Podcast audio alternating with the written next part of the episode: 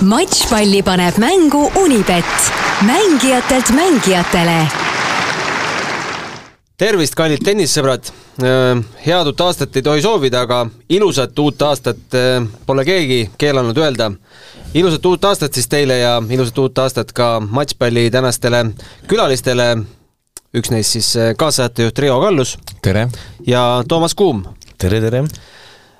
Oleme rääkimas äh, loomulikult Austraalian Openist, äh, see meid siia kokku toob, aga mitte ainult. Äh, kõigepealt, et meil endal oli kolmapäeval üks väike, väike üritus Olibeti spordibaaris siis mm, toimus väike, väike istumine, tennisemälumäng ja matšpallitiim oli samuti väljas samasuguses koosseisus nagu täna laua taga ja Margus Metsanurm oli ka meiega Toomas, kuidas meil läks kokkuvõttes? ei no läks hästi, aga peab tunnistama, et äh, me ei hakka küsimuste koostajat siin nimetama ekstra, aga võib-olla natuke äh, noh, üldjoontes kergevõitu see oli, aga, aga tõenäoliselt oli see tingitud sellest, et ähm, noh, me oleme siin ka tennise, Eesti meistrivõistlustel õigemini on ju ka meil olnud alati mälumängud Heino Raivet seal küsimusi teinud, siis seal on oluliselt keerulisemad küsimused ja ja võib-olla just selle, selle mõttega oli, et, et mitte, mitte liiga nagu langeda niisuguste nüanssideni ja, ja võib-olla kardeti seda, et, et kui tulevad äh, mõned üksikud teadjamad, et siis see lõhe on hästi liiga suur, aga noh, seal oli ainuke asi, et noh, kui küsimustes öelda, et liiga palju vihjeid oli, ütleme, et isegi kui meil oli tõesti mõne küsimusega oli niimoodi, vastamisega oli nii, et, et äh, seal võib-olla isegi mitte poole peale jõudnud, et vastust teadsime, aga ei, aga vahelduseks oli see tore, tore.... mis me keerutame, me võitsime selle ära võitsime ära, jah, okei okay.. seal oli siis, eh, palju oli, seitse võistkonda ja poole punktiga tegelikult, üsna nipa-nappa. Poleks üks aastaarv eh, pihta läinud, ei tea, oleks vist jäänud teiseks.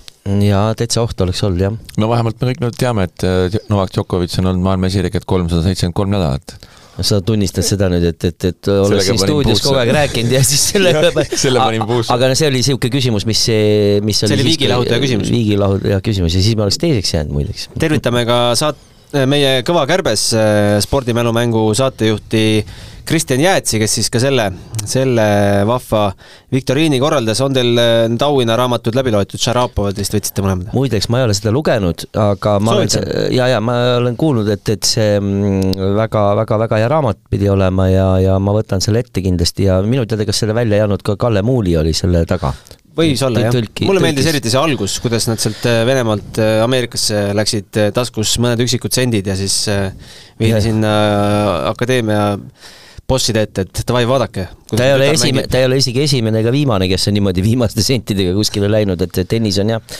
selles mõttes selles mõttes karm ala, et ega peab arvestama, et ega, ega noh, andekus võib siin veel äärmisel juhul võib päästa, et, et siis äh, sinusse investeerivad ka nii-öelda välisjõud. aga, aga muidu on ikka väga keeruline päris tippu jõuda jah, kui me, ma olen seda raamatut lugenud ja minu jaoks võib-olla vaata, et võib-olla kolm kõige huvitavamat äh, raamatut ongi Nadali ja Kassi ja Šarapova raamat, et soovitan soojalt. no kindlasti on ju see Brad Gilberti raamat ka. Winning Ugly. jah, see ka muidugi, jah, see on ka väga hea raamat. jah Agassi, Agassi puhul ma korra ütlen, et seal on hästi palju niisuguseid avameelseid äh, raamat, jah. mis, mis nagu on ka omaette huvitav asi, nii et, et äh, ma arvan, et tennisehuvilised, kes pole neid raamatuid lugenud või kuskilt saavad kas või raamatukogust võtta või internetist ja et äh, soovitame tennisehuvilistele veel üks hea soovitus tuleb küll filmi ja telemaailmast. täna avaldati siis kogu Netflixi sarja Breakpoint esimene hooaeg tegemist on siis äh, sarjaga, mis jälgib väga lähedalt VTA ja ATP staare. olen aru saanud, et vist äh, mitte kõige suuremaid, ehk siis äh, Nadali, Djokovic'i, Federeri ja Serenat selles filmis ilmselt oma nime ja näoga rääkimas ei näe, küll aga kõiki teisi. esimene osa juba algab siis Nick Kyrgiosest ja olen näinud treilerist, et seal on veel kindlasti Paula Padosaga, Sabalenkaga Äh, Maria Sakari võtab kindlasti sõna ja mis seal salata, olen isegi sattunud äh, võtetele kuskil, äh, vist oli Prantsusmaal pressikonverentsil, et vaata, kas, kas saan oma viis sekundit kuulsust kätte või ei saa jah, seda küll. ma korra küsin, et kas sa seda episoodi nägid, kui Kirgiosega sa nägid? ei, hakkasin vaatama just, aga te juba helistasite, tahtsite mul kohvi saada ja, ja ei, see on kindlasti väga huvitav persoon, tal on tegelikult üldse see perekonna asi on ka hästi seal põnev, ma ei tea, kas seda käsitletakse üldse? ma arvan, et seal käsitletakse. ema teemat ja seal no, ah, seda teemat, jah. seal jah, seal on ju sugulusaste mm -hmm. ju tegelikult öö, viib kuni lausa kuningliku pereni ah, kui okay. ma ei eksi. ma arvan, et filmitegijad see on Bruneiga seotud, peaks olema mm, -hmm. jah, see oleks hästi põnev fakt ka mm. -hmm. aga räägime, tuleme korraks kodule lähemale, et meil Tallinki tennisekeskuses äh, on lõppemas äh, sel nädalal Tallink Open, äh, see on siis ITF nelikümmend tuhat, on nii? jaa, ja.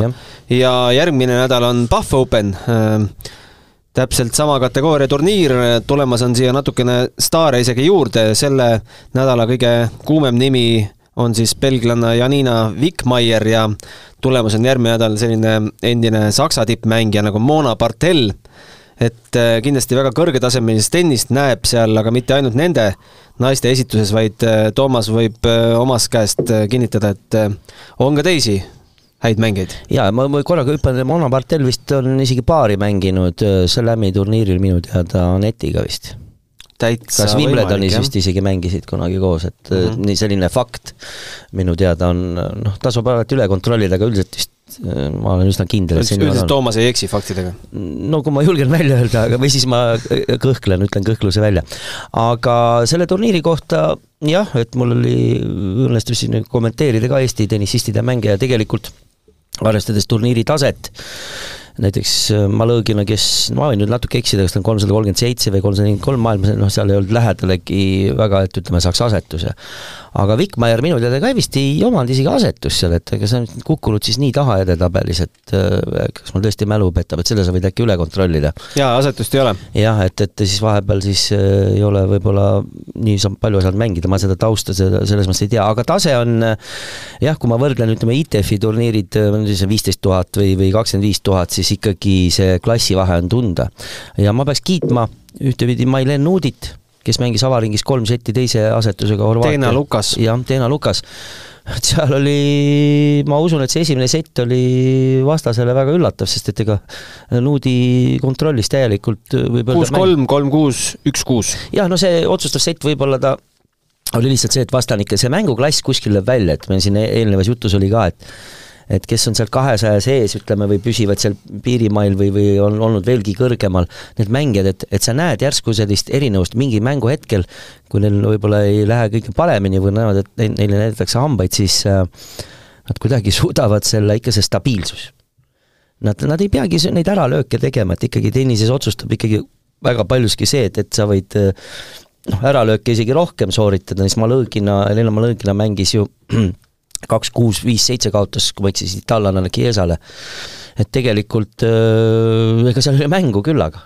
aga ikka see kuskil mingil hetkel, sa vaatad, nad on nii sitked ja mis on veel huvitav, just Eena Lukase puhul nägin, et kui algul tundus, et noh, Nuudi serv on igal juhul nagu noh, tugevam element ja stabiilsem, siis ei mida, mida mäng edasi, seda need öö, äh, otsustavatel hetkedel võtavad nad alati tagataskust, me oleme vaadanud ka tipptasemel tegelikult, et kui see, see päris tipp mängib kellegiga, siis, siis just tihti tuleb see mingi üks mänguelement ja serv on ja tõrje, kaks sellist elementi, mis kohe löövad välja, et nad kuidagi suudavad ennast nagu kokku võtta sel hetkel Mailen siis täna paarismängu poolfinaalis. täna poolfinaalis jah, et, et teil oli jah variant siis, et äh, kas seesama, kes on üksikmängus äh, kõrgema asetusega, hollandlanna Kerkhove, on siis tema paariline? jah, kuigi äh, tunnistan ausalt, et kui vaadata eilset paarismängu, no võib-olla Kerkhove oli veel, kergelt võib-olla väsinud ka, tal oli üksikmäng all, aga selle mängu ikkagi see võti oli, oli Mailen Nudi, mängis väga hästi jah, aga üksikmängus jah, paraku äh, eestlannadele, Eesti mängijatele kaotused, äh, Anna-Maria Totrup osales, äh, Jelena Malõgina sai juba nimetatud, Mailen Nuudi ja Katriin Saar ka.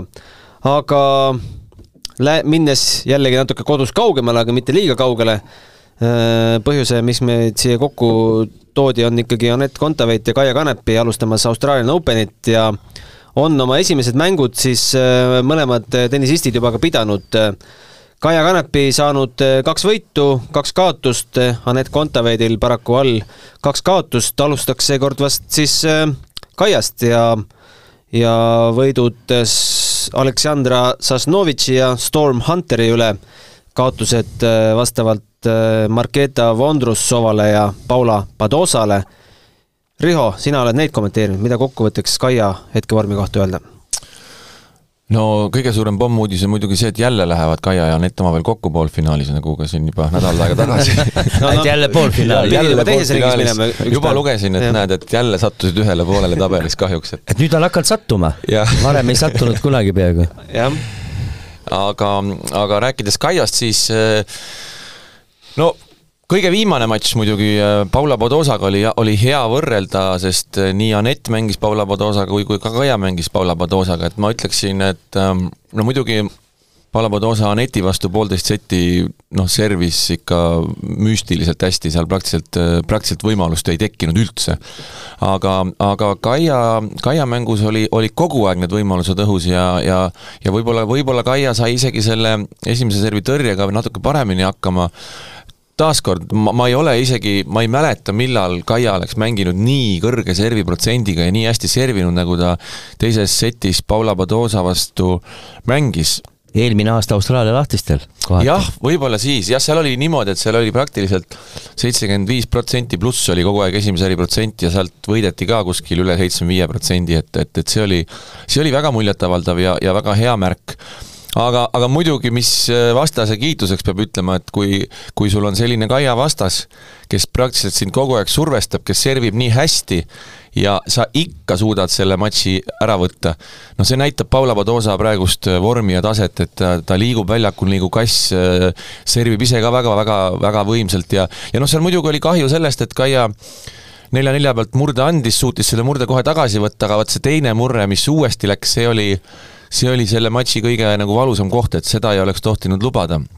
ja, ja sealt see sealt see teine sett, sett ka läks, et väga oleks tahtnud näha muidugi otsustavat setti, sest et äh, Kaia, Kaia tegi selle mängu ja väljakul olemise Paula Padosa jaoks nagu väga-väga raskeks ja väga keeruliseks, aga taaskord jällegi, kaitses mängib niivõrd fantastiliselt hästi ja liigub nii hästi see hispaanlanna, et, et, et ähm, müts maha, mängib ma, väga hästi. ma võtan su sõnasabast kinni, et kellele ei tee Kaia Kanepi elu raskeks? peavalu, jah ja, ja ma korra hüppan tagasi, et, et Austraalia lahtiste seisukohalt, noh, me teame, et Kaia hästi põhjalikult ju valib oma seda kalendrit ja just selle füüsilise ettevalmistuse puhul, no loodame, tal on kaitsta päris kõvad punktid tegelikult eelmisest aastast, et, et, et see on niisugune kahe otsaga asi, et üldiselt ta näitab ikkagi praegu, on ikkagi kokkuvõttes ikkagi jät-, jättis ikkagi väga hea mulje. see näitab seda, et, et, et ta noh, idee järgi peaks olema valmis Austraalias jälle hästi jah, ja ma arvan, et ta sai täpselt, täpselt mõnusa koguse mänge alla. noh, seda ma mõtlesingi, jah. ta sai täpselt paraja koguse mänge alla, et tal ei olekski vaja olnud seda turniiri nüüd mängida võib-olla lõpuni, et teades ikkagi noh, saad natuke varem Melbourne'i minna, seal vähekene harjuda selle kliimaga, see kõik, kõik on ja. nagu ideaalne minu arust ettevalmistus. mida me neti kohta ütleme, et aasta lõpus haiguse tõttu pidi Dubai näidisturniirist loobuma, millest meil oli muidugi ekstra kahju, sest näitasime ju Dubai mänge. aga noh, elu on selline, vahel tuleb ka haigusi ette. aga pole nii-öelda võitu veel kirja saanud, küll aga siin ühe kolmesetilise mängu Kinven Shengiga Adelaide'i esimesel nädalal ja teises, teisel nädalal siis kaotus Paula Padosale neli-kuus, kolm-kuus kuidas sulle hetkel, Riho, tundub äh, Aneti mäng? sa oled öelnud, et, äh, et mõlemad mängud olid nii-öelda sarnase algusega, et alguses raske käima saada, aga teie seti keskpaigas on juba, on juba mängu, mängu moodi nojah, tegelikult kui nüüd mõelda, et Kaial, või tähendab, vabandust, Anetil oli ju viimane mäng, mille ta suutis, sai, sai lõpuni mängida, oli ju Tallinna finaal ja, ja peale seda ta läks ju Ostravasse, andis Nii ju, andis ju loobumisvõidu Martin Sovale. Martin Sovale jah, Martin Sovale loobumisvõidu ja, ja, ja, ja nüüd ongi järgmine mäng oli Quinven Schengiga Austraalias, päris pikk paus olnud ja ja nendel oli, oli diskussioon ja arutelu üldse, kas seda esimest turniiri mängida, et, et et võib-olla see haigusest väljatulek võiks veel nädal aega hiljem mängida, aga, aga väga õige otsus oli, minu arust oli väga õige otsus ja see mäng, Toomas Leiusega seda kommenteerisime, see tegelikult oli üllatavalt kõrgetasemeline ja noh, ise, iseasi see jah, siia-sinna, seal tegelikult joonekohtunik tegi ka väikse abi, Anett oleks kaks matšpalli saanud sealt, oli väga lähedal kuus-neli seisule tiebreak'is, et et see mäng jättis väga hea mulje. Äh, jah, sa ütlesid seda ja sellega, seda, seda ma ise tunnetasime ka seal, et tal on, loomulikult oli tal raske alguses, see esimene sett äh, peale pikka pausi alguses ei olnud veel nii harjunud ja väga kõrge tempoga mängija, aga teises setis tal olid väga, väga kihvtid momendid olid, kus, kus Anett mängis noh, täpselt seda oma parimat tennist, mis ta parematel aegadel mänginud on, et see, see jättis väga positiivse mulje. aga natukene võib-olla kahju on sellest, et ta, ta tõenäoliselt oleks tahtnud rohkem mänge saada alla ma arvan ise isiklikult. ja, ja, ja tegelikult äh, noh, tema puhul oligi oluline saada ikkagi see tunnetus, nagu sa mainisidki, et ikkagi kokkuvõttes tõenäoliselt on ikka hea, et, et ta, et vähemalt need kakski mängu sai alla, et, et äh, sa saad ikka jälle selle karusselli nii-öelda, selle turniiri karusselli tunnetuse kätte ja no ütleme niimoodi, et, et kui ta selle pealt tuleb, siis mina ütlen, mentaalne pool, ma alati, ma olen alati öelnud, et Suure Slami turniirid on selles mõttes, et kui me vaatame eelkõige maailma tippe, ja noh, tegelikult ega noh, okei okay,, Anetil on praegu natukene see edetabeli koht on kukkunud, aga ta ikkagi vaieldamatult, vaatamata nendele tulemustele, ta on ikkagi, ikkagi tennise eliit ja, ja, ja, ja, ja, ja suure slam'i turniiril on tal veel tõestamist äh, veel küllaga nii-öelda oma karjääri jooksul. nii et ma isegi usun, et tal on selline näljane ja samas ta tuleb nagu sellise äh, nagu baasi pealt praegu äh, et äh, justkui võib-olla sellised pessimistid nagu arvavad, et noh, et, et äh, ei tea, kuidas tal nüüd läheb, seal me kindlasti nüüd seda tabelit ka arutame, eks on ju, äh, turniiritabelit, siis seal on omad niisugused nüansid, mis nagu, miks mitte tulistada nüüd juba Austraalia lahtistel.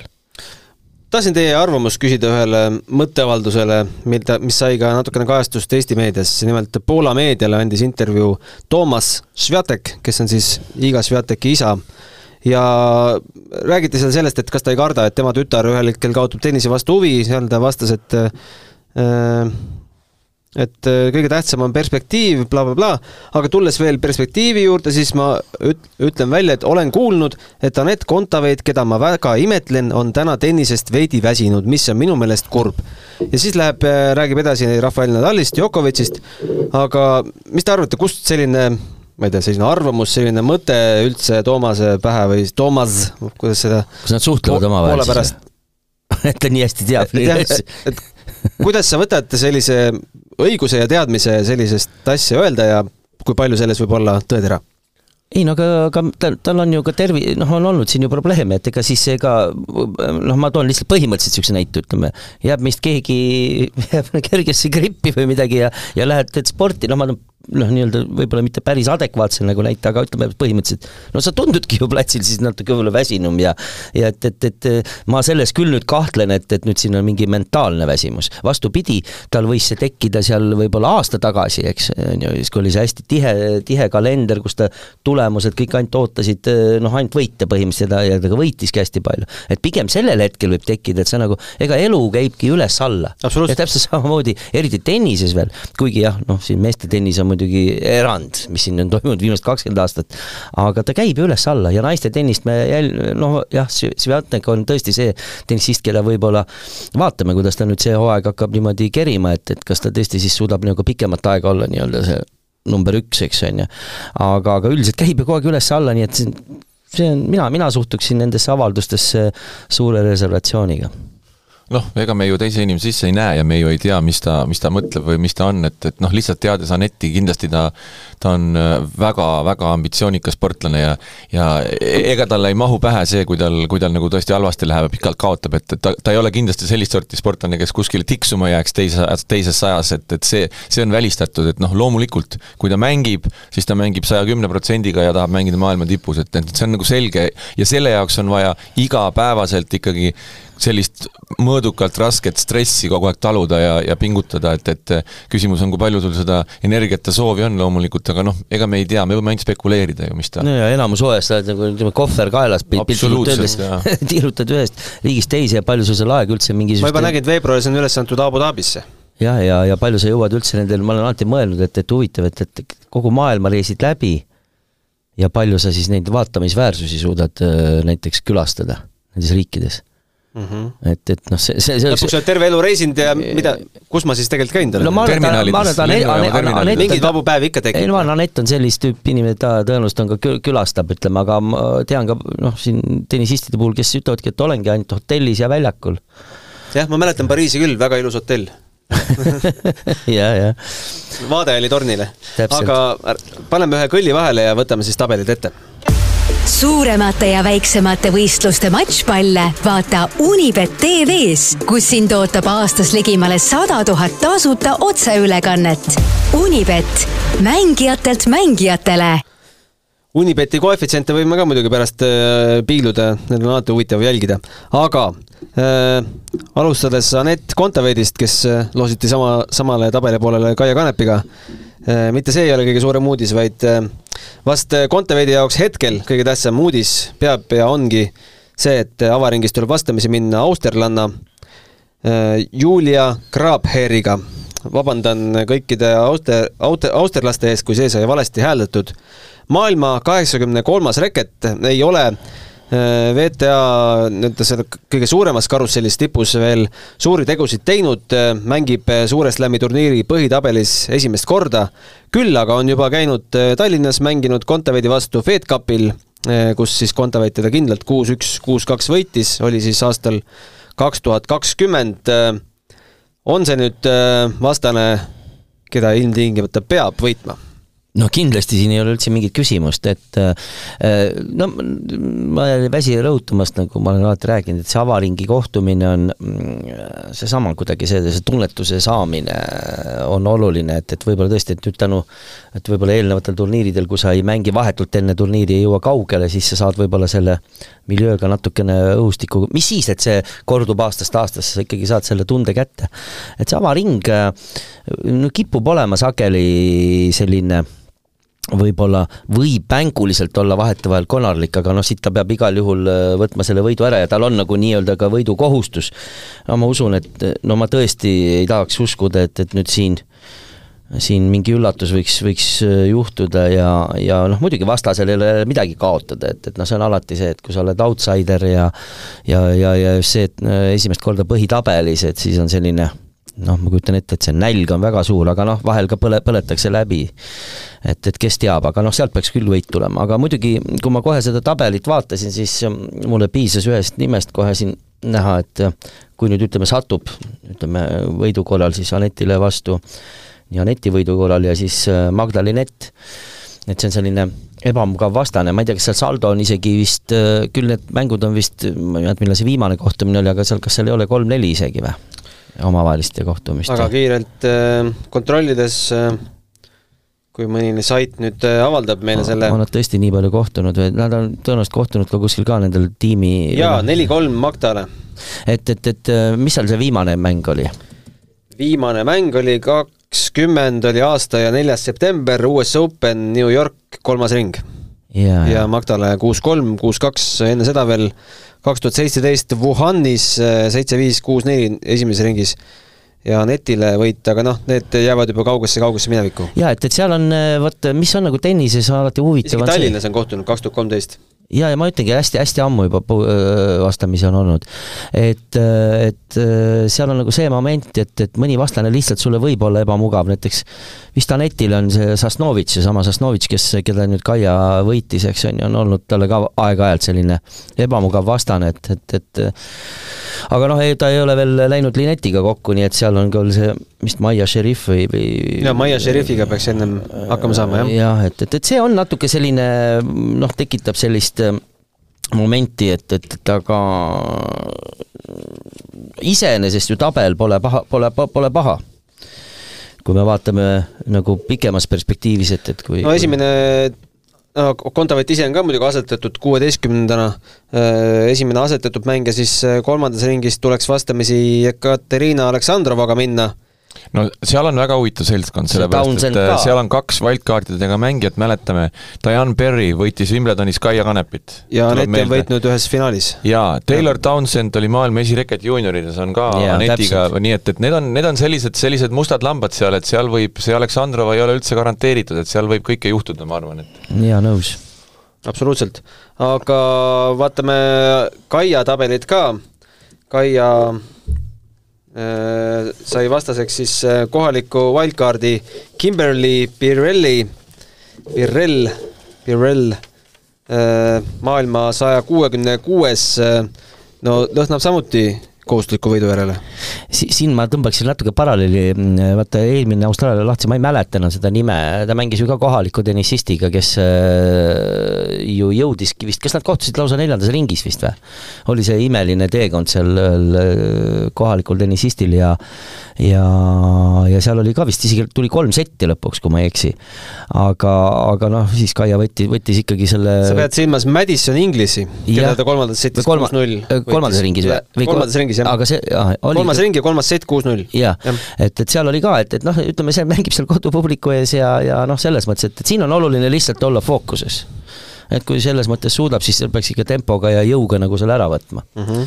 küll aga nägin tennis.com-i eelvaates oli siis sellest tabeliveerandist rääkides Kaia seal esimeste seas äh, nii-öelda välja toodud kui ohtlik äh, vastane kõigile, aga aga poolfinaali teda ei ennustatud oi,. oi-oi, seal on, see on, see on väga tänamatu töö, ma ütleks, et et seal tegelikult esimene asi on kohe see, et äh, jah, ma olen Toomasega nõus, need mõlemad esimese ringi mängud, kui kumbki nendest peaks komistama, see on ikka väike katastroof, et nad mõlemad ikka on nagu suhteliselt kohustatud selle esimese ringi mängu võitma. aga kohe teine ring, jälle väga huvitav nimi Linda Frufvirtova. kas ka kaks õde on vist? ma tahtsingi just ja. öelda seda, et ma nendest õdedest tean nagu päris palju, me oleme nii noh, Rauno Kulli ja, ja noh, kes siin noorematega mängib ja Grete ja, ja need nooremad teavad väga hästi neid õdesid ja vaadake, mis juhtus ta on seitsmeteistaastane, ta mängis Kaiaga, eks ju, ja ta noorem õde, viieteistaastane noorem õde, on võitnud kuus ITF kahesaja viiekümne kahekümne viie tuhande dollari turniiri ja kvalifitseerus Austraalia lahtistel, kvalist tuli läbi, mängib nüüd esimene ring Sasnovitši vastu, vot see on väga huvitav, see tüdruk on viieteistaastane. et see noorem õde, noorem õde on veel huvitavam ja Linda Profirtova ka muidugi väga, väga hea mängija, nii et nii et need nimed kindlasti saavad olema väga suured Linda võitis alles septembris Chennai VTA kaksaja viiekümne no, finaalis Magdalenett. palun, ja seda nooremat õde räägitakse veel suurema imestusega, kõik treenerid, nii palju kui ma olen rääkinud, et noh, et see viieteistaastane tüdruk, see on ime, ime, imelaps ja ta mängib nüüd Sasnovitšiga. no seal on üks nüanss muidugi, et, et just kui me räägime jälle suure slam'i turniirist, et ütleme, need ajad on üldiselt, no siin ütleme jah, kaheksateistaastastena äh, jõutakse kaugele, aga see, mis toimus seal üheksakümnendatel eriti, eks on ju, kus olid äh, ka viieteist, kuueteistaastased jõudsid äh, ikka päris sinna lõppu välja, et, et viimasel ajal pole seda nüüd väga juhtunud. et, et konkurents on tihe ja, ja võib-olla noh, siin, siin võib kogemus nagu aidata, et, et lihtsalt see, see, slam'i õhustik on nagu teine, aga muidugi need on, ma ütlen, neid alahinnata, neid mängijaid ei saa mingil juhul. jaa, aga noh, ma ei tea, kui me hakkaksime kuskil statistikas sobrama ja vaatama, millal viimati viieteistaastane ise mängis läbi Grand Slami kvalifikatsioonist, siis seda ma, ma ei julge isegi, võib-olla sa oskad öelda, oli see kuradi Martina Hingis või ma ei tea, kes ma ei tea, või Jennifer Capriati või Jennifer Capriati, just täpselt, me räägime väga suurtest nimedest. jaa, aga ammustest aegadest. ammustest aegadest, väga ammustest aegadest no,. peab mainima, et see noorem, noorem õde meid antud hetkel ei puuduta, küll aga Linda, kes on väga valusaid äh, skalpe võtnud eelmisel aastal äh, kui ta nüüd äh, ise esimesest ringist muidugi läbi murrab.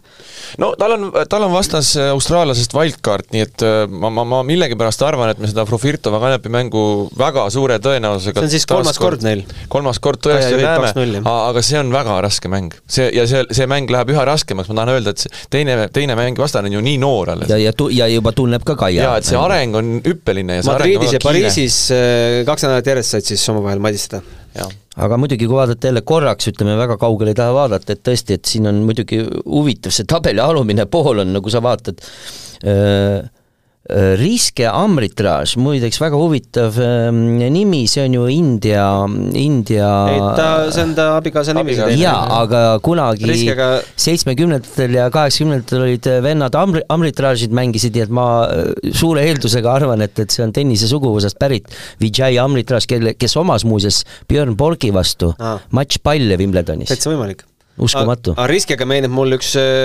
oli üks Wimbledon, ma enam ei mäleta aastat täpselt, et mängis seal Kaiaga ja küsi-, kutsusin ka Riske inve-, intervjuuruumi ja Riske siis ei olnud kaotusest väga pettunud, lihtsalt laiutas käsi, et mul ei olnud seal väljakul mitte midagi teha. jah. ja, ja, ja, ja ütleme, Žaber muidugi, Zidanšek on noh, need on kõik niisugused, et see on huvitav, kuidas see loos ikkagi, et kui me, ma korra hüppan üldise loosi peale, et näiteks Sloane Stevens asetamata, mängib Potapovaga kohe avaringis, eks on ju et selles mõttes, kui me räägime, et kas oli hea või halb loos, siis Oleks saanud palju halvemini. siis oleks võinud palju halvemini minna, nii et Eliise on- Mertensil läks päris halvasti, sai Garbine Muguruza esimeses ringis näiteks. aga ega see Muguruzale ka magus ei ole, sellepärast et Mertens mängib asetamata. jaa, aga Mertens mängib reeglina Austraalia lahtistel hästi, nagu me teame. Sabaleka, Martin Sova näiteks. aga ikkagi jah, see, see, kui siia Kanepi juurde tagasi tulla, siis eh, noh, teades, teades lihtsalt, et, et on Chabeur on väga ebamugav Kaiale jaoks, et väga ebamugav variatiivne, vastane, väga variatiivne ja sellist tüüpi mängija, kes nagu Kaiale ei sobi väga, et, et et, et see on, see on väga raske, selles mõttes on raske, kui ta nüüd peaks kolmandas ringis, kolmandasse ringi jõudma olema. loodame, et kukub välja enne see on, see on variant, aga kui te rääkisite veel huvitavatest mängudest, siis minu jaoks on väga huvitav praegu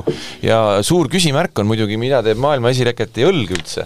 sest et õlavigastusega ta viimane turniiri maha ennast võttis ja, ja esimene ring Iga Sviantekil vastas nägid ka seda õl-, õlavigastust või see on lihtsalt selline, et ma natuke vot seda ma ei tea jah, vot seda ma ei tea, aga kirjas oli, et õlavigastus, aga no eks, eks ta Austraalia lahtiste valguses tõenäoliselt võib-olla ka, seal võib väga võimalik, väga võimalik, et siis võib-olla on kõik okei okay,, onju, aga, aga ikkagi päris huvitav vastane, Jules Niemeyer. Ohtlik vastane, väga huvitav vastane ja mäletame, tõusis ju kust algas tõus? tõus algas ju sealt jah, Wimbledoni turniirist ja võit, võit Kontaveidi vastu sealt.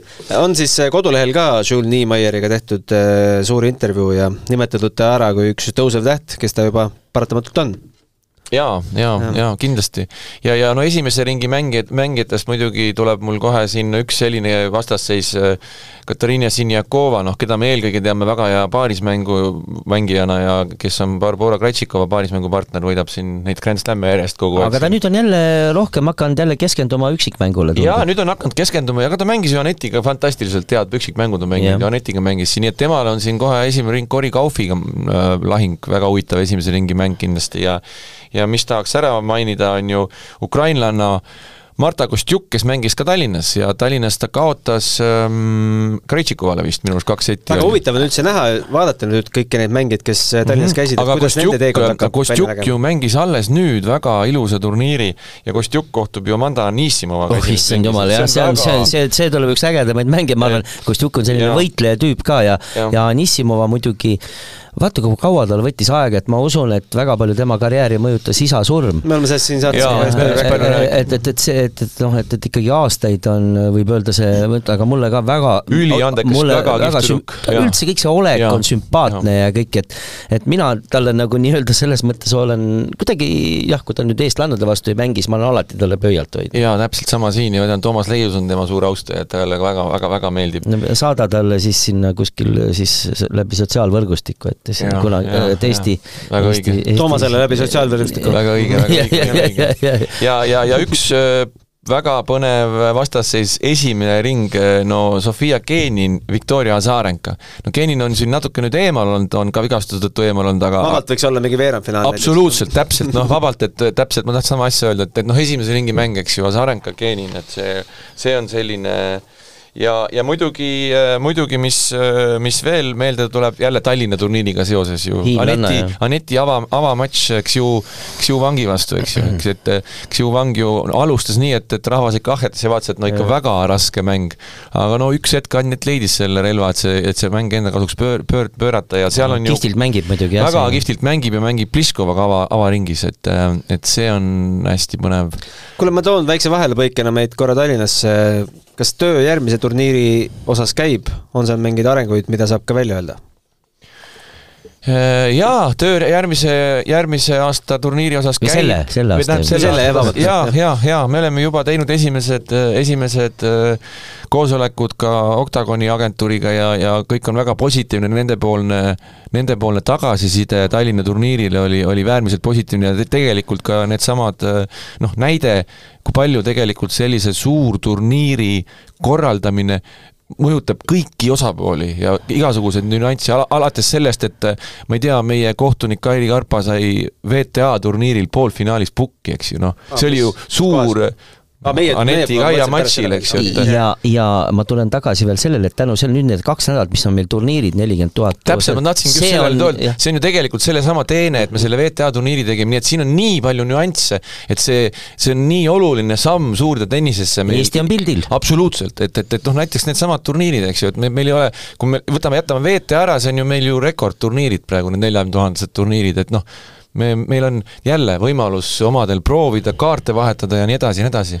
muideks vaata, korraks hüppan tagasi järgmise nädala turniiriga, et, et seal vist, kas seal saab vist, minu teada saab vist veel, võivad veel ja, ja Austraaliast on tulemas veel. jaa, on veel tulemas, et, et see koosseis võib seal veel veelgi tugevamaks muutuda vist äkki ja. veel, jah, jah väga huvitav, aga oot, ma küsin veel, kas seal mingi tribüün on ka püsti või kuidas te need... ei ole no pisikene mingi istumine on seal vist, jah? ei nojah, seal, ei no ikka üleval sealt aga rahvast väga ei ole? noh, tööaeg ka ja, ja, ja eks, eks tead, ütlen ausalt, ma kommenteerin all mm. seal on jah tribüün, aga seal, seal istuvad tavaliselt treenerid, no see on hästi pisike, aga üldiselt ülevalt on nagu parem vaadata. treenerite kõrval ja poobid jaa, ma olen isegi jaa, eile oli seal üks prantslanna Robbe vist, kes täna mängib ja, ja sai seal, eriti huvitav on alati seda vaadata, tennises on noh, see ei ole üldse nagu kohtunike kapsaaed, aga jube huvitav, sa oled lähedal väljakul. ja seal oli näiteks selle Robbe mängus oli just matšpall, kus oli ilmselgelt kümme sentimeetrit oli see üks löök oli pikk, hästi pikk pallivahetus oli ja vastasel ameeriklannal seal oli võib-olla veel mingi variant, oleks selle game'i kätte saanud, oleks veel šanss tekkinud, just see matšpall. ja siis me teineteisele vaatasime otsa treeneriga ja, ja siis vahest astud juurde ja ütled mingi mänguelemendi kohta seal või räägid, et väga hea kaitsemängija või midagi, ja, ja noh, ikka tekib väike suhtlus ka. sellest samast suhtlusest rääkides ma soovitan teil ikkagi Tondile mingi kommenteerimisboks või mingi klaas neile ümber panna, ma mäletan, et äh, oli päris palju hetki, kus äh, mõned mängijad olid pahased seal. jaa, aga me rääkisime sellest ja seal, seal jällegi see on nagu nii ja naa, meile öeldi tegelikult äh, nii-öelda oma ala spetsialistid ütlesid, et, et kommentaatoritel on jällegi väga paha, kui nad ei kuule seda heli saalist, et siis on jälle see vahetu, see kaob ära nagu, et, et, et, et nemad ütlesid jälle selle kohta, me alguses, me alguses planeerisime seda tõlkijate boksi kommentaatorite jaoks ja siis siis, siis nemad tõmbasid selle mõtte maha jälle, ütlesid, et see ei ole nagu, see ei ole no, nagu hea. tegelikult no. väga palju ei olnud, aga see oli jah, ühes mängus oli äh, jah, seal sattus küll, oli üks situatsioon, kus, kus, kus tõesti vist isegi kas pugikohtunik vaatas ka meie suunas, et, et, et see oli jah, aga noh, see, aga kõige huvitavam on see, et sa ei saagi ju, ega me punkti ajal ei rääkinud mm, -hmm. aga lihtsalt äh, mõni mängija võib-olla, no mõned mängijad ju ärrituvad isegi foto, foto ei no vahel on vaja punkti ajal rääkida, kui no, ikkagi jah, aga ütleme nii, et seda, seda punkti ajal rääkimist on vähe, see on Toomasel õigus, teine asi on see, et noh, mõned mängijad ärrituvad asjade peale, mille pärast sa ei saagi muretseda, ei peagi muretsema, nii et tavaliselt ta ärritub siis, kui tal on ise mingisugune no, kehvem periood mängus. no siis näed, et kõik ärritab, et, et noh, see mm, -hmm. see, see ei tähenda seda, et midagi väga pahasti oleks. ma räägin teile ühe loo no. vahelduseks. Andres Võsand, kes on kunagi saja, esisaja mängija olnud. no seal oli, ta kasutas muidugi taktikat, kunagi siis rahvaste Spartakiaad oli Moskvas siis ta komposteeris, ma kasutan seda väljendit, Aleksander Volkovi tänaseks kadunud elavate seast mängija vastu, ma olen ise näinud kahte mängu, kus matšpallidelt on Võsand võitis teda. maailma esikümne mängija ikkagi. ja, ja no tol hetkel veel ei olnud, aga, aga ütleme, oli sinna juba teel ja siis ähm, seal väljas mängiti ja oli üks äh, lillelises kleidis naisterahvas oli nii-öelda noh, väljaku külas Eesti, seal ei olnud nagu tribüüne, mängiti niisugusel väljakul. Siis ta pöördus äh, puki kohtuniku poole, ütles, et kas te ei saaks äh, palun seda daami äh, eemaldada sealt, et ta segab minu seda vaatevälja kes ütles? Äh, Võsand. ei no ta komposteeris, noh, võib-olla läks niisuguseks naljakaks, siis teine asi oli see, et, et siis rätiku riputas vastane sinna, Volkov sinna nii-öelda fooni peale, noh, see oli nagu see võre või, või noh, ütleme see, no nagu need foonid on, ütleme siis ei olnud reklaamfoone seal, nii, niisuguse nagu praegu on. ütles, et palun mu vastasmängija võiks selle heleda rätiku ka sealt äh, nii-öelda rippumast ära võtta, kuna mingis, mingis kohas võib mul see pall olla täpselt kohakuti selle rätikuga, et ma ei näe seda palli siis nagu see oli täpselt nagu härjavõitlus, ütleme niimoodi, et, et Volko käis nagu näljane vihane härg seal ringi, eks on ju, ja ja, ja, ja et ma selles mõttes, no seal oli see taktika, aga, aga vahetevahel võibki olla see, et, et mängija tõesti hakkab, ma ei tea, mingi iga pisi krõbin ja krabin. no meil üks lõuna, lõunanaaber on tuntud selle poolest. mul oli endal analoogne olukord, millest sa räägid, et istusime Merko Openi, ma ei mäleta, mis ring see oli, itaallane Luka Serena, sa võib-olla mäletad? teeb täna šampuseid ja mulle ja mis ta teeb, aga ühesõnaga niisugune hästi lahe tüüp oli. istusime, tribüün oli täis Merko Openil seal tere, Teres väljakul õues ja siis mängib, mängib, äkki üks hetk jääb vait, keerab minu poole ja ütleb, et Riho, I cannot play You have so beautiful wife valjult niimoodi, terve tribüün naerab. no mängu ajal.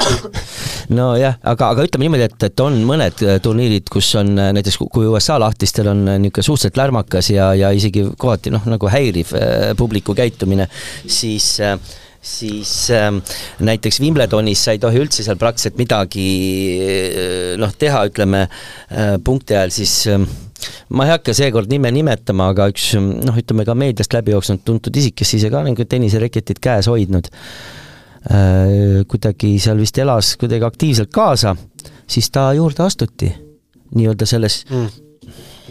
sorry. Jah, et äh, astuti juurde ja öeldi niimoodi, et kui te veel kord seda teete, siis äh,, siis teil tuleb eluaegne keeld, et te ei saa siia, te ei saa siia peaväljakule mitte kunagi enam nii et tegelikult jälgitakse mängu, nii et see on ka hästi huvitav. jah, ma, tahaks muidugi siin äh, küsida, et kuidas te seda jälgite, et enam peaväljakul ei saa, sest iga, iga selle äh, trepi juures on ju eraldi naisterahvad ja meesterahvad. ongi jaa, jälgitakse, ma võin ei no ega neil pilte käes ei ole, et kes see no ei no kui ta, no kui sa ikka väga lärmakas ja, seal oled, siis nad ja, ikka fikseerivad aga, selle. aga Kairi Karpa rääkis mulle loo, see oli, ma ei mäleta, mis turniir see oli, Kairi oli joonekohtunik ja, ja mängivad ja täpselt nii, nagu praegu Toomasel, eks ju, kellelgi telefon heliseb punkti all. Ja telefon heliseb, heliseb, on ju, ja kõik vaatavad publiku hulka kuhugi, et mis värk on, ikka telefon heliseb. ja joonekohtuniku taskus oli mobiiltelefon ja helises. ja, ja Kairi ütles, et selle joonekohtunikuga oli kõik putupiilu? ei, ei, selle joonekohtunikul oli see, võeti, võeti tema see akrediteering ära, saati turniirilt minema ja ütles, et sina enam ei ole siia oodatud, et põhimõtteliselt jäi tööst ilma. et nad ei tohi isegi telefoni kaasa võtta väljakul no,, esimene reegel on see. minul muuseas on ümber, et ja. Eh, Kairi Karpa poolt kantud French Openi vöö muideks jälle see kohtunike asi. mul olid Kairi Karba sokid, aga täna ei ole jalas, Kairi Karba tõi mulle ükskord soki. kui läks lõbusaks, siis äh, miks mitte, et natuke vürtsitada saadet, et ei ole niisugune kuiv nagu kes kellega mängib ja kes võidab Äh, see oli küll äh, juunioride ITF-i turniir ja see toimus äh, Bangkokis. Danil Proskura, kui sa tead, selline oi, oi, oi, see on üks kaduma läinud talent. jaa, kaduma läinud talent ja tema mängu ajal siis joonekohtunik, sest see oli vist poolfinaal, isegi seal oli nagu noh, mingid jooni vaatasid nii. ja helises vist telefon punkti ajal läks see inimene lihtsalt, läks telefoniga rääkima ja lahkus oma positsioonilt. aga noh, see ei olnud niisugune suur turniir, aga, aga seda oli vaadata kõrvalt jõle kummaline, et kohalik inimene, ta nagu noh, ma ei tea, nagu tennist mängib. ITF-i turniir nagu jah? jaa, juunioride juunioride turniir. ja lihtsalt kõndis minema ja, aga tol hetkel ei olnud vist endal niimoodi, oleks, seda oleks võinud filmida lausa, see oleks ikka täitsa ajalooline video olnud, et lihtsalt inimene kõnnib lihtsalt keset töö, nii-öelda tööd äh, sinna kuskil kõrvale ja hakkab telefoniga rääkima, okei okay.. okei okay,, aga tule, ma ei tea, kuidas me sinna nüüd jõudsime, aga aga tuleme tagasi äh, Austraalia Openi juurde ja me pole veel äh, sõnagi rääkinud meestest ja meil on juba nelikümmend üks minutit möödas. Äh, alustaks võib-olla sellest, et ma loen teile mõned koefitsiendid, neli esimest favoriiti. arvatakse, et Novak Djokovic on favoriit number üks koefitsiendiga üks koma kaheksakümmend kaks Unibetis ja siis on päris suured käärid. Danil Medvedev koefitsient seitse Nick Kyrgios koefitsient viisteist ja Rafael Nadal samuti viisteist.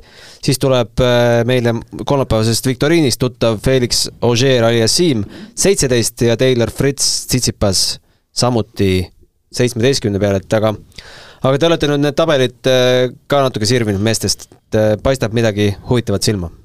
no mina ütleks siia algusesse, et see, et Novak Djokovic on favoriit number üks, see on kõik väga õige ja ta peabki olema favoriit number üks. aga praegu on meeste tennises selline seis, et ma ütleks, et rohkem kui kunagi varem on neid mehi, kes on võimelised Novak Djokovic'i maha võtma. et neid äh, mängijaid on väga palju. ja, ja kui Novak Djokovic'i äh, tabelit vaadata, siis tegelikult Novak Djokovic on sellises äh, veerand, veerandi eh, pooles, kus on tal vanad head sõbrad, on kõik seal ees, alustades Nick Kirjosest ja ka Holger Rune, kes teda võitis Pariisi finaalis, nii et seal midagi lihtsat eh, Novak Djokovicil ei ole, et ma ei imesta, kui sealt võib eh, asi ka teistpidi minna. aga, aga no loomulikult ta peab olema number üks favoriit ja ta on ka kindlasti. Seal on selles mõttes ka üks huvitav mängija, aga lihtsalt viiest parem mängus vist teda ei võida, on aga Carreno Busta näiteks ka, kui jõuab kaugele, on tegelikult talle kuidagi ebamugav vastane olnud, aga lihtsalt jah, see viiest parem mäng, ma ikka jõuan alati tagasi sellele, et et kui oleks kolmest parem mängitaks lämmi, siis, äh, siis tõesti jumal teab, mis seal võiks juhtuda, aga aga jah, just see, see mänguformaat ikkagi ikkagi siiamaani on ikkagi tõestanud seda, et üldiselt ikkagi need vanad kalad üldjuhul ikkagi jah, ja nagu teine, ja teine nüanss, mis on ülioluline nüanss minu arust ikkagi on see, et kas see on esimene nädal või teine nädal, kui need rasked matšid tulevad. kui need tulevad seal esimene-teine ring, siis on palju suurem tõenäosus, et see lõpeb äh, tema jaoks negatiivselt. aga kui need ässad mängivad ennast teise nädalasse, siis neid peatada on ikka minu arust alati palju keerulisem. no rütm on käes. rütm on käes Ama... ja väga raske. rääkisite siin viiest parem äh, formaadist, siin aeg-ajalt ikkagi tõstatub äh, välismeedias ka küsimus, et kas kas me liigume sinnapoole, et naised hakkavad ka viies pares mäng-, parem mängima kunagi? Või te arvate, et see on täiesti välistatud? ma arvan küll, et see on välistatud, see on juba puhtalt juba televisiooni mõttes on, et noh, ainuke variant, mida võidakse äkki teha, et noh, ma ei tea, kas ütleme, finaal on pikem või, või kuskil mingist hetkest mängitakse, no, no kujuta ette, see koormus läheb ikka müstiliseks, sest me teame, et äh, siin on ju need kolmest parem mängud ka kestavad vahest kolm tundi, no ja ma, ma, ma pigem, ma pigem ka kardan nagu pigem vastupidist, et see televisioon ja need suured rahad su suruvad meest, seda meeste tennist kolmeks, et ma väga hoian pöialt, et seda ei juhtuks, et see, see setiformaat formaati seti formaat, et see jääks ikka nii, nagu on, sest see on, noh, see on ülipõnev minu arust, see on ülipõnev. vähemalt Slam'i turniiril. mingeid katsetusi ju tehakse, mängime no, neljani ja jaa, jaa, noh vot nüüd oli, nüüd on ju järgmine katsetus, millest me just rääkisime, Margus Ubaga tegime teisipäeval trenni, Margus rääkis, et nüüd tehakse ju järgmist katsetust, et noortel on ju see võrgutripsust serv, pead edasi mängima, eks ju. Ja nüüd nad katsetavad siis sellist asja, et kui sa lööd tripsust servi, siis paariline võib ka seda tõrjuda. no see kuidagi läheb nagu nii jaburaks minu jaoks, et, et nagu ja see reegel on nii kaua juba olnud noortel, nad vaatavad, kui nad mängivad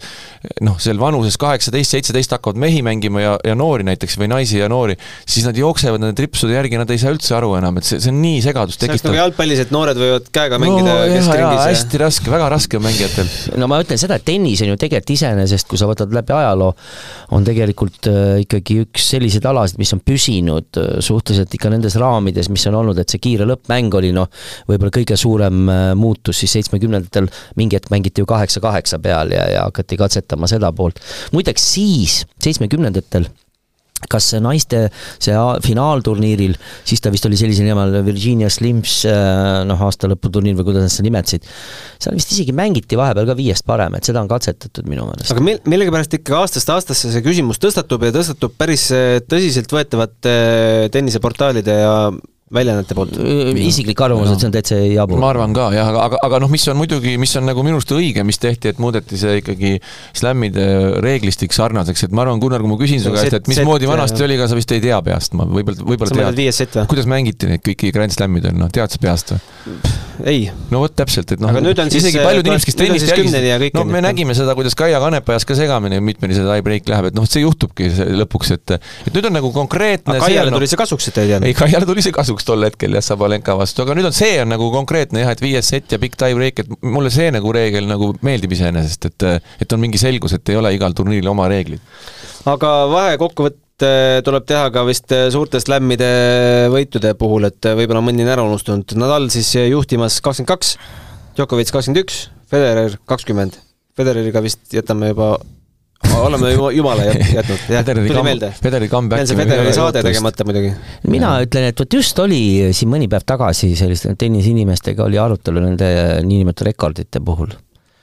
Neil on juba kõigil kolmel on nii palju neid võite ja siis öelda, et näiteks, et kui isegi Nadal saab seal näiteks kakskümmend neli või kokku näiteks ütleme no., et ta nüüd on kõigi aegade parim ja, ja aga kui sa küsid Leiuse käest kes on kõige parem, kõige, Pancho Gonzalez oli niisugune no, jah, või, või miks mitte Björn Borg miks mitte, me just arutasime me sealsamas, kui ja. me tegime mälumängu, et Björn Borg, kes lõpetas kahekümne kuue aastaselt, praktiliselt mängis niimoodi, et keegi ei võitnud teda järjest, ainult vigastuse tõttu kaotas. ja, ja võitis kõik, mis tol hetkel oli. aga lõpetas varem ära. ja ei mänginud Austraalia lahtisi kaasa, ühe korra ainult. no täpselt, noh, et, et, et, et seda nagu noh, kuidas me võrdleme Björn Borgit ja Rafael Nadali minu jaoks on siin väga lihtne argument, tennises kõige tähtsamad on suured slam'i turniirid, kellel kõige rohkem on, kõige kõvem. no jah ja., aga palju mängisid ka, eks ju, noh, ja palju said mängida ja ja siis tol ajal olid ju kõik need rahalised auhinnad ja ütleme, kogu see logistika oli nii keeruline, et siin võiks, siin võiks veel ühe, ühe, ühe nüansi sisse tuua tegelikult, mis on väga huvitav täpselt, et mitmel Grand Slamil karjääri jooksul osales ja palju võitis no ütleme, tead, teatud muidugi arv peab olema, et ja, ütleme, et kui sa oled kolmel mänginud ja, ja, ja, ja siis ei aga noh, näiteks võtame kas või Björn Borgi näite, on ju, et, et noh, et võiduprotsent on mingi peaaegu, peaaegu üheksakümmend no,. praktiliselt, eks ju, kõik võitis ära, mis mängis, noh. et noh, see on ka väga oluline ja võib-olla kui oleks tol ajal mängitud äh, praeguste nende reketis, tema mängis ikkagi ju puureketiga põhimõtteliselt mm. peaaegu kogu karjääri, nii et, et siis oli selge, et, et no lihtsalt, see kääle no lihtsalt, lihtsalt fenomenaalne vend, võib-olla tänapäeva tennist jälgivad inimesed ei, ei tea seda või aga noh, lihtsalt noh, see, see on müstika, mis, mis ta tegi ikkagi tol ajal. aga meestest rääkides siis, äh, kui Djokovic ei võida, siis kes võidab? no võib-olla räägime, räägime äkki natukene huvitavatest äh, vastasseisudest avaringides kõigepealt. ega see Fritsilgi vist ei ole ja, lihtne. et, et, et minule, minule, me oleme juba eelmisel aastal hakkasime jälgima ja vaatasime, et üks väga huvitav äh, noor tšehh on pildile ilmunud, Irsi Lehetška ja, ja see Hirsi Lehetška on nüüd jälle väga hästi mänginud ja mängib äh, Borna Goritšiga esimeses ringis, et äh, ka kõva mäng. väga kõva mäng ja, ja ausalt öeldes mina ütleks, et see on täiesti fifty-fifty mäng.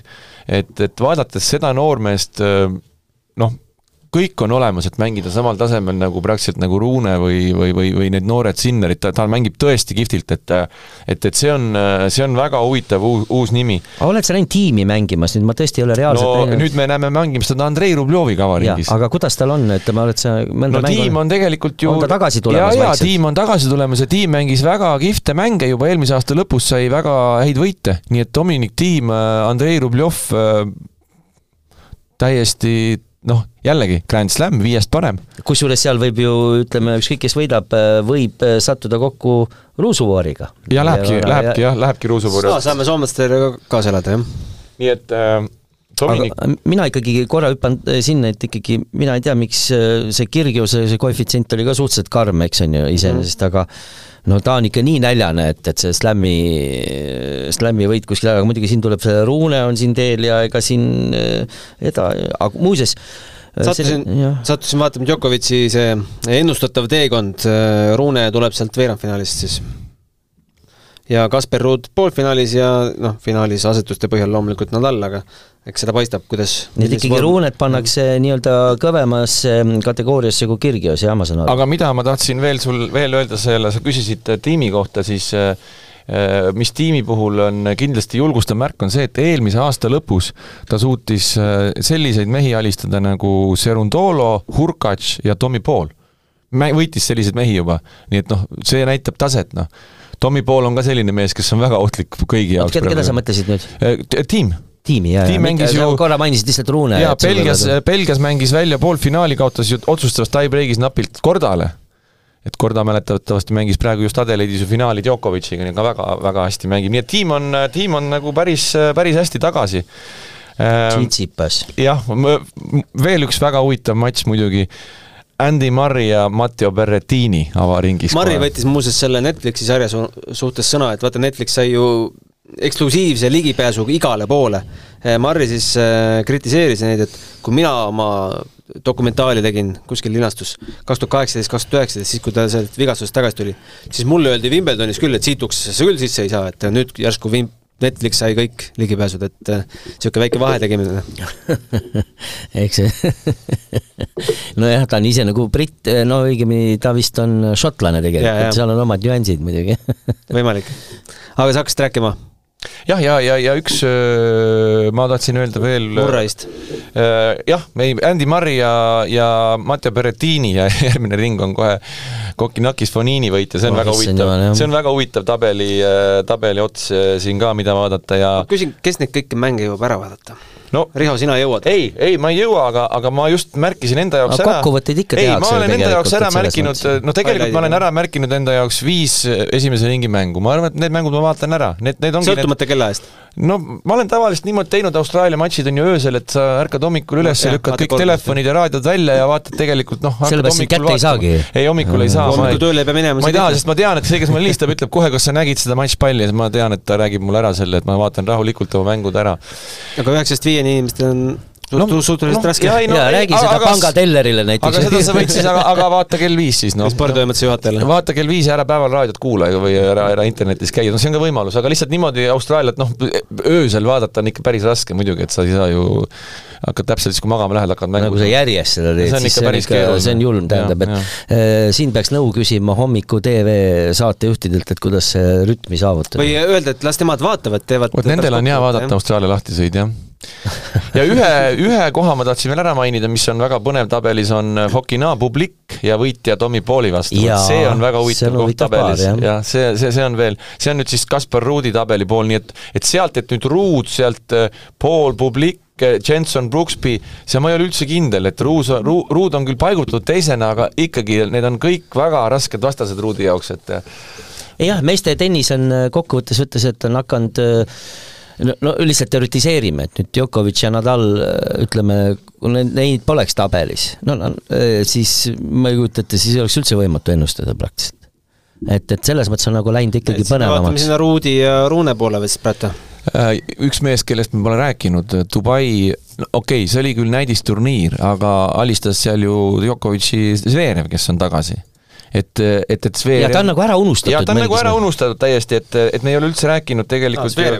jah mm, -hmm. et Zverev on ju tabelis olemas ja, ja, ja on terve nii et eh, no pff, mäletame, mis, mis toimus siin vahepeal Aleksander Zvereviga, millist tennist ta mängis ju, ta mängis ju absoluutselt parimat tennist üldse võib-olla siin see olümpiaperioodi peale seda. see oli uskumatu. see oli uskumatu periood, millist, millist tennist mängis, nagu me ju võrdlesime arvutimänguga ta tennist siin vahepeal huvitav on vaadata nimesid, kes on võitnud eh, sel aastal siis ATP turniire, näiteks Adelaide'i teisel nädalal eh, Soonvo Kwon. väga hea mängija. Lõuna-Koreast. väga hästi mängib Äh, Korda mängis siis Djokovic'iga finaalis, äh, Djokovic võitis, aga on ka üks, äh, ühel soomlasel ATP turniiri võit taskus, on siis Adelaide'i paarismängus Harri Heliöväär.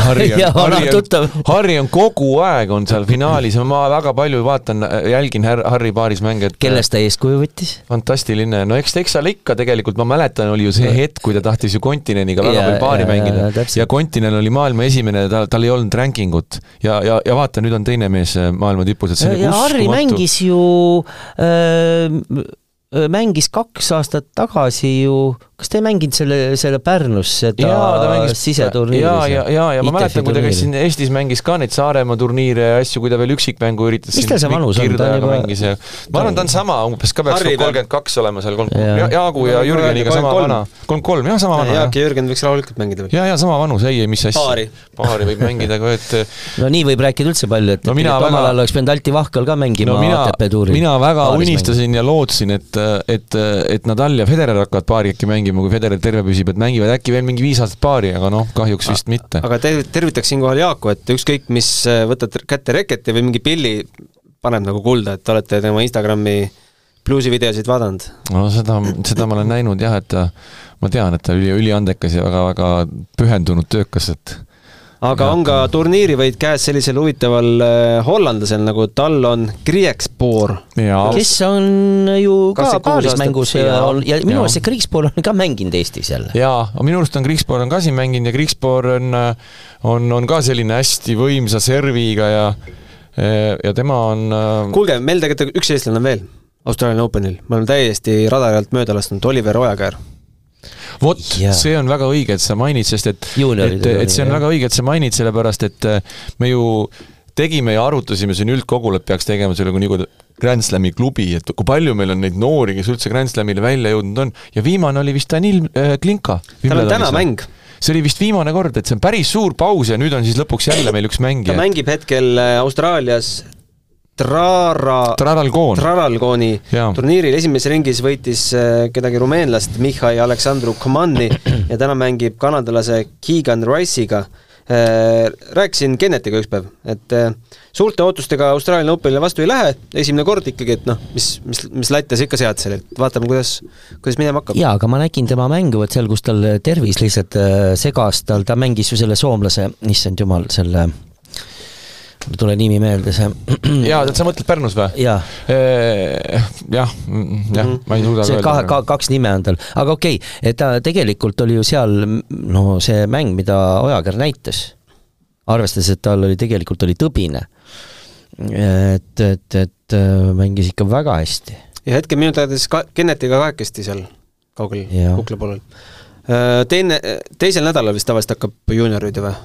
jah, jah mm. -hmm et hoiame silma peal ka Oliveril. jõuame kiirelt veel võib-olla ühest teemast rääkida.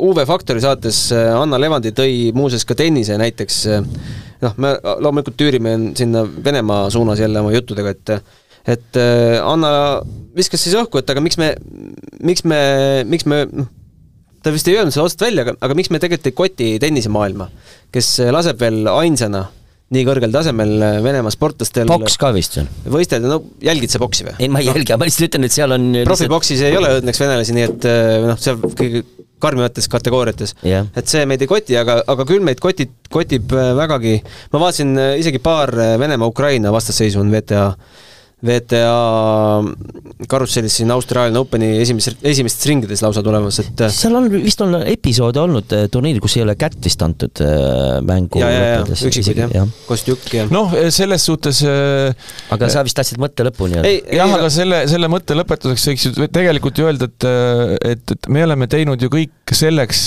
mis meil on võimalik teha ja meie enda kodune turniir on ju esmakordne mm -hmm. näide peale Inglismaalt, see on ainukene turniir siiamaani, kus ei mänginud valgevenelased, venelased, et noh, nii palju kui nii palju, kui meie teha saame, nii palju me oleme teinud. et noh, sellest me oleme ju ka rääkinud, et valikud, meie tippmängijate valikud on tegelikult oma karjääri peatamine. Nendel on lepingud VTA-ga, seal on VTA reeglid, seal ei ole võimalust sellist, et, et, et sa otsustad, et ma boikoteerin ja ei lähe väljakule, see põhimõtteliselt tähendab seda, et et nad peavad oma karjäärile piduri panema. meediapilti pääses ka Jelena Malõgina, mäletate, aasta lõpus valis endale paarismängu paariliseks venelanna. mida No jah. sellest arvate? no ma ei tea, no noh, jah ma arvan, et kuna neid partnereid valis, ega ta ei mõelnud ju selle peale, et tõenäoliselt ikkagi see on kuidagi sobivus või on võib-olla, võib-olla on kuidagi tundnud seda inim-, mängijat, et, et koos, võib, võis vabalt olla selline variant, et ega seal ju turniiridel vahest vaata mängitakse erinevate partneritega, et oligi võib-olla nii hea, heas mõttes nagu ripakil see mängija ja võib-olla kellegiga ei saanud seal kokkuleppele ja, ja lihtsalt mängis meie, noh, ma, ma ütlen niimoodi, et oh, see on, see on üldse keeruline küsimus, aga, aga sa tahtsid tegelikult natuke vist süvendatumalt seda momenti rõhuda seal, mitte ainult see, et tennises on lubatud, vaid ma oleks sinna jõudnud, et äh, kas äh, ma tahaks tunnustada muidugi Kaiat, et ta oli nõus sellest teemast rääkima ja ütles, et sport, poliitika tema arust peab olema lahus. mulle meeldib, kui inimesed ütlevad oma seisukoha välja. et mis, mida ei saa öelda praegult hetkel käimasoleva jalgpalliskandaali kohta, kus äh, ütleme, et äh, ikkagi skandaali keskmes olev Kostja Vassiljev ei ole öelnud otse välja, mida tema sellest asjast arvab, et äh, seal on kuidagi keerutades ja lõpuks jõuab sinnani, et äh, rahu peab saama maailmaga, aga kuidas see rahu saabub, et ju... no, no, no kokkuvõttes ütlen niimoodi, et iseenesest öelda, et, et tippsport või üldse maailmas olümpiasport ja kõik, et see on väljapool poliitikat, see on nagu ilusad sõnad ainult. et kui me vaatame läbi ajaloo, siis on kogu aeg poliitika seal äh,, ütleme need Pierre de Coubertini ja, ja, ja nende algsete persoonide, kes siis seda liikumist taastasid, oli kõik nii ilusad laused ja sõnad, et tegelikult see ei ole ju nii, noh no Lukašenkaga mängib Sabalenka tennist äh, vabal ajal. mitte ainult tema, ma tean, ma tean veel teisigi, isiklikult tunnen äh, Valgevene naistennissiste, kes siis enne Sabalenkat äh, tegid äh, trenni Lukašenkaga, sest omal ajal sai Minskit külastatud mitu korda. et isegi tean, mis hallis nad mängisid, aga siis tavaliselt pandi hall nagu põhimõtteliselt nagu kinni või et, et sauna sa ei saanud kindlasti kasutada siis. ja arvata seda, et Venemaa jalgpallikoondis ei ole, ei ole poliitiliselt laetud ja seotud, no see on ju absurd. absurd. jah, et, et ma arvan, et, et nii palju ikkagi, et see, mis toimub, see on, see on pretsedenditu ja oled nõus, et see tuleb selgeks rääkida? see tuleb selgeks rääkida ja, ja eriti veel, kui ma mõtlen, et need tippsportlased, kes, kes teenivad suuri rahasid, on need jäähokimängijad või mida iganes, noh, ma saan aru, et sul võib-olla mõtlevad, et oi, et hakatakse minu sugulasi seal kuidagi pigistama ja see on täiesti võimalik mm, -hmm. et tehakse mingeid läbiotsimisi ja imeasju tehakse Venemaal. et lihtsalt sugulaste juures, et näiteks kes on juba elanud mitu aastat, mõni inimene, kes on poliitiliselt aktiivne välismaal, siis lihtsalt tullakse ja, ja terroriseeritakse tegelikult suguvõsa, et noh, see on üks võib-olla väike põhjus, miks nad kardavad, aga tegelikult kui see oleks massilisem siis see mõjutaks ka ikkagi ka rahvameelsust mingis mõttes ja ja, ja kui sul on nii palju raha ja välismaal on ka kindlasti neil kodud ja kes resideerub, ma ei tea, Monte Carlos või kus iganes, issand jumal, no sul, sa saad elada välismaal, sul on selleks ressurss ja kõik olemas ja, ja nendel tippsportlased noh, me oleme varem ka seda podcastides rääkinud, et, et, et, et see mind üllatab, et no üldiselt ikka väga vaikne, isegi Valgevene sportlased olid palju nagu julgemad, kui me mõtleme, kui olid rahutused Valgevenes ikkagi, seal läks ikkagi vaata et fifty-fifty võib-olla niimoodi, et, et, et pooled hästi palju kõlab seda arvamust tennise kohta, et aga nad ju mängivad iseenda eest, nad ei räägi riigi, mängi riigi eest, nad ei elagi enam Venemaal, kuskil elavadki Monte Carlodes ja asjades, et nad ei ole üldse Venemaaga seotud. see on absurd, sellepärast et kõik kuulsad inimesed ja tuntud inimesed, kes on pildis, nad on, isegi kui tal võib-olla ei ole seda noh, intelligentsi alati ei pruugigi olla igal sportlasel, ta tegeleb spordiga ja võib-olla ei ole piisavalt raamatuid lugenud, aga nad on arvamusliidrid ju tegelikult. Kuulge, kui isegi Alla Pugatšova äh, põhimõtteliselt nagu vaata, et peaaegu et pagendati riigist, julges välja öelda nii-öelda primadonna äh, Venemaal ja nüüd sportlased on nagu, ma rõhutan veel kord, no argpüksid, noh see on uskumatu, noh. või siis nad on nii ajupestud, no ei ole võimalik ja sa käid ju välismaal, ütleme kuskil seal maapiirkonnas inimene, kes pole kunagi välismaal käinud ja ütleb, et nagu Putin ütles, et, et et Pariisis ei, ei teata üldse pereväärtustest midagi niisugust, vabandust, ma kasutan ebaviisakat sõna, paska ajada inimestele ja siis nad kuulavad seda suu ammuli ja usuvad seda jama. aga need inimesed, kes käivad, kellel on midagi nagu öelda, et kuulge, et see on ju täielik jama, mida teile aetakse. aga arvad, et kui Danil Medvedev ütleks välja, et Äh, Slava Ukraini, see sõda saab võit, lõppeda ainult Ukraina võiduga, kas ta kodumaal kot-, notitakse maha siis või? no kindlasti, praegu oli ju see laulja Valeri Meladze on üks tuntud äh, nii-öelda laulja, kes, kes ütles ühel äh, nii-öelda eraüritusel või, või jah, kuidagi ja, ja ta sosistas küll vastu.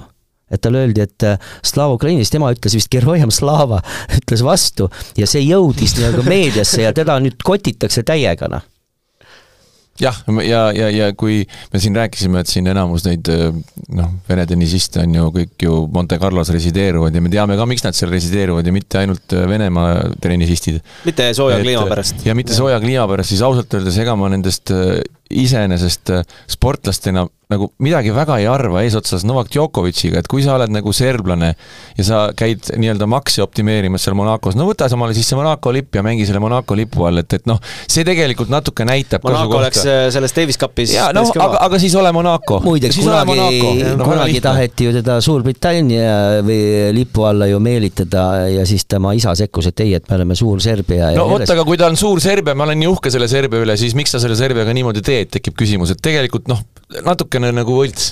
Ja järelikult sa näitad, mis sul tähtsam on. no Serbia, ma ei, ma ei peatuks, Serbia on üldse eraldi teema. ei, ma räägin, need mängijad, kes Monaco eest mängivad, et kes, kes nii-öelda seal on kõik noh, vaata see nimekiri on päris pikk, on ju, et noh,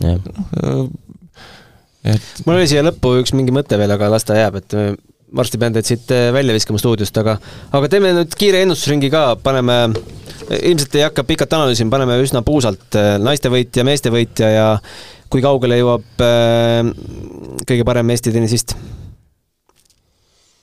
no mina panin äh, see ennustusmäng, mis sa saatsid ma tennis.com'i prediction. ja üldse ei mõelnud, üldse ei mõelnud alguses. päris lahe vidin. oota, aga kas seal olid juba kvalivõited ka sisse pandud või? on ja, kvali ja, läbi? jaa, seal oli kvali oli läbi jaa ja. ja sealt ma nägingi seda mm -hmm. Brenda Furufirtova nime, et jaa, aga ma hakkasin täiesti niimoodi emotsiooni pealt puusalt. panema. kui sa nüüd ära ja... registreerid, siis sa võid võita seal mingi kolm tuhat dollarit. ja, ja tõenäoliselt ma võidan selle, tõenäoliselt võidan selle ja, ja, ja üllatus, üllatus, ma isegi ei teadnud, et see mees võidab, Taylor Fritz ah,. kusjuures, kui sa nüüd ütlesid selle nime, et, et see on äh,, varem mulle kuidagi äh, paar aastat tagasi mulle tema mäng väga ei istunud, aga ja. nüüd on mulle hakanud väga meeldima. see on, äh, see on, kes on jälginud ta mänge, ta ja Djokovic oli tal praktiliselt peos. ei, ta on ikka, ta on ikka hoopis teine tase, mis ta enne oli. et, et see, ja ma lihtsalt okay,, ma ei, ma ei mõelnud üldse, ma ei mõelnud üldse selle nime peale, aga ma hakkasin lihtsalt vaatama, kes kellega kohtub. mis see võtmemäng siis Taylor Fritzil tuleb? Äh, tulebki seal, tal on juba, ta on ju vist, Djokovic'iga ei ole ühel tabeli poolel. Taylor Fritzil on võtmemäng on, ma arvan, et seal on äh, Zverev tenniseajakirjas ilmus äh, lugu Ema jälgedes käiv Taylor Fritz annab uust, USA meeste tennisele uut lootust. neljas, äh, neljas ring suure tõenäosusega Aleksandr Zverev on, on Taylor Fritzil okay, nagu keda sa naistest ja, ja siis on ju alumine, tabeli alumine ots ruud on, ta läheb allapoole.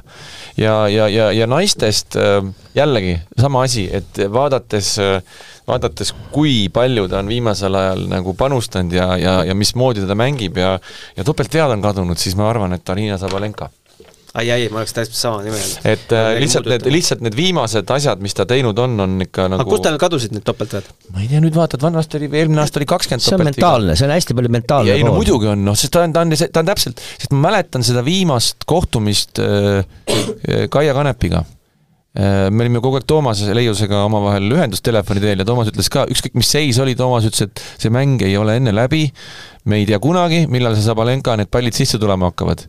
ja, ja ja nii oligi tegelikult, et, et selles suhtes äh, Sabalenka on selline mängija, et kui tal need pallid sisse tulema hakkavad ja kui ta mentaalselt on tasakaalus, siis ma arvan, et ta võib selle ära võita küll. no mina ütleksin niimoodi, et ma ei lähtu sellest isegi, kuidas see tabel läbi mängida, vaid äh, millegipärast ta ei ole minu võib-olla mingi lemmikmängija, aga lihtsalt mulle meeldivad huvitavad persoonid.